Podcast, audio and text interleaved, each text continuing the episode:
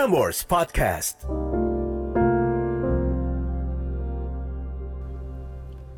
Catatan akhir malam oleh Narendra Pawaka. Jumat 4 September 2020. They say that at some point you just learn to let go. I must disagree. If it just takes one moment to let go, then you never really held on tightly enough.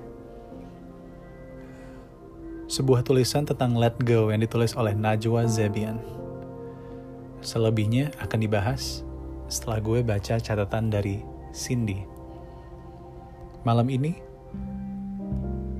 Cindy menceritakan tentang perasaannya setelah lima tahun kehilangan papa yang telah berjuang melawan kanker. Dengan subjek email yang menjadi judul di podcast kali ini, yaitu My Immortal Mellow. Papa. Sebelum kita buka catatan dari Cindy, need I to remind you that it is midnight? For those of you who have your own stories to tell, please do write it down seperti Cindy dan kirim ke email narendrapawaka at gmail.com. Selama dua minggu terakhir, lebih banyak email yang masuk dibanding sebelumnya.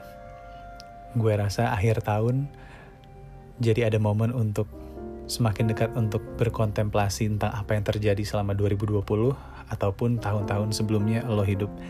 Jadi lebih banyak ceritanya.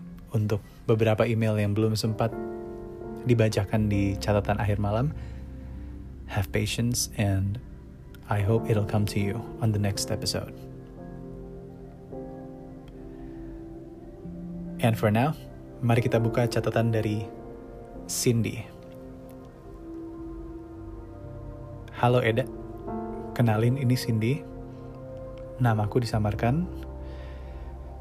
Saat nulis ini, aku sambil dengerin podcast catatan akhir malam. Dan rasanya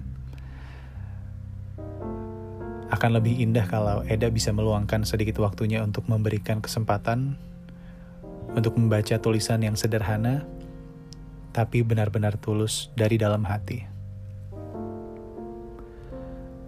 Hari ini, aku cerita hal yang biasa saja.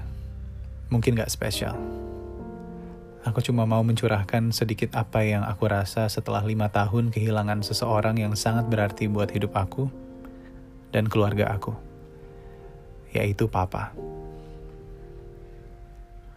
Terasa sedih dan berat hidup tanpa seorang Papa yang dari kecil aku idolakan beliau tidak pernah menunjukkan rasa sakit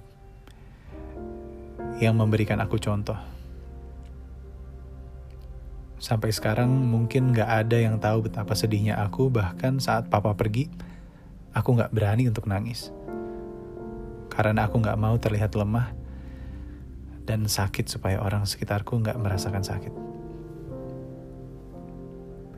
Teringat jelas sekitar tujuh tahun papa berjuang melawan sakit kanker berusaha tetap kerja walaupun habis kemo atau berobat. Bahkan saat aku menulis ini, rasa sakit kehilangan papa itu terasa jelas. Gak pernah berubah. Gak tahu sampai kapan. Kehilangan papa mungkin rasa sakit yang gak ada tandingannya. Rasa sakit yang paling sakit. Setelah papa pergi, aku mencoba untuk membahagiakan keluargaku, yaitu mama dan kakakku. Gimana pun caranya, sesuai dengan apa yang papa pesan. Tolong jaga mama dan saling bantu dengan kakak. Terasa sakit seminggu sebelum papa pergi, saat itu kakakku juga sedang persiapan pernikahannya. Papa bilang, Gimana nanti kalau papa nggak bisa datang ke nikahan kakak? Sedih rasanya. Entah sampai kapan luka ini. Papa yang selalu berjuang untuk membahagiakan anak-anaknya. Aku juga masih ingat papa berkali-kali cuti demi bisa di rumah saat aku ulang tahun. Walaupun aku tahu papa harus cari pengganti di kantor supaya bisa pulang. Papa yang berjuang beliin HP yang aku pengen, walaupun besoknya sampai dirawat di rumah sakit. Aku diminta ke mobil papa, dan di bagasi sudah ada HP yang aku idam-idamkan. Maafin anakmu yang suka membuat repot ini ya, Pak. Papa satu-satunya orang yang percaya anak perempuannya ini bisa melakukan apa pun.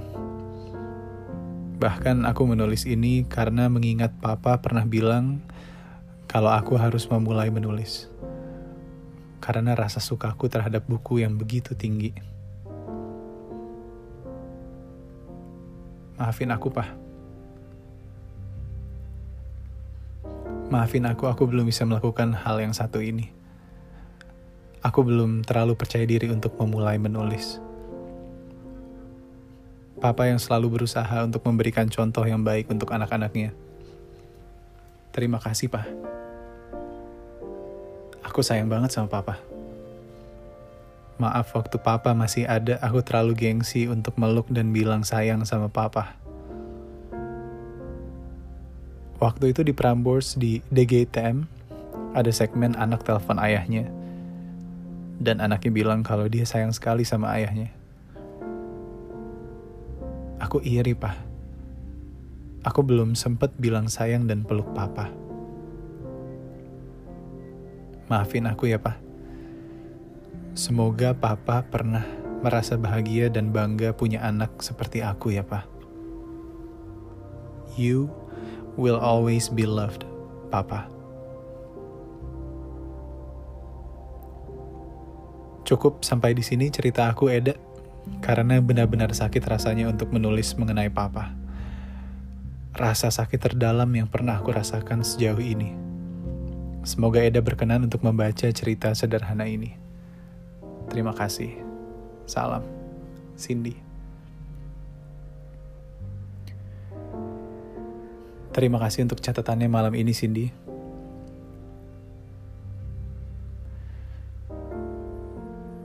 Walaupun Cindy yang menulis dan gue yang membacakan catatan dari Cindy, tapi energi Cindy nyampe saat gue membaca setiap kata-katanya. Sampai merinding kaulah muda. Dan podcast ini gak akan berhasil kalau kaulah muda setelah mendengar yang satu ini tidak meruntuhkan gengsinya segera untuk bilang sayang ke papa dan memeluk papa. Gunakanlah waktu dan kesempatan itu. And now, it's about let go, catatan dari Najwa Zebian yang membuka podcast ini. Berkata, they say that at some point, you just learn to let go.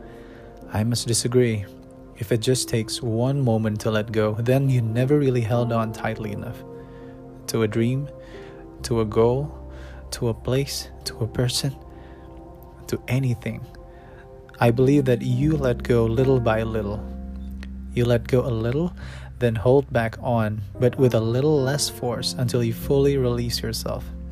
And the tighter you hold on, the more force you let go with. The deeper you dive, the higher you'll fly. The closer you get, the further you'll pull away.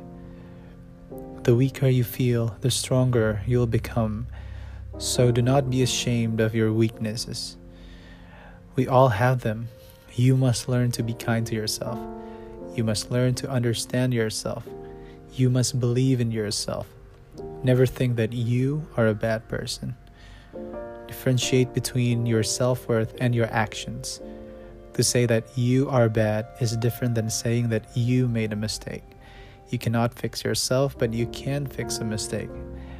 And remember, not one person on this earth is perfect. We all make mistakes. We all fall. We all have flaws. We just need to look within ourselves and treat ourselves as human who are worthy of respect and hope. Do not give up on yourself. Get back up. Be brave. Be happy. Terima kasih Cindy untuk catatan akhir malamnya. Now for the fortune saying of your birthday today. Di tanggal 4 September buat yang berulang tahun. Let me read it out for you. You are quick, volatile, and tempestuous, and carry a point by force of will. You have a keen, brilliant mind. You like to work things out alone and are sometimes impatient in your haste to get them done. You are a true and loyal friend. My name is Narendra Pawaka, and this is Catatan Akhir Malam. Have a good night, sleep tight, and don't let the bad books bite.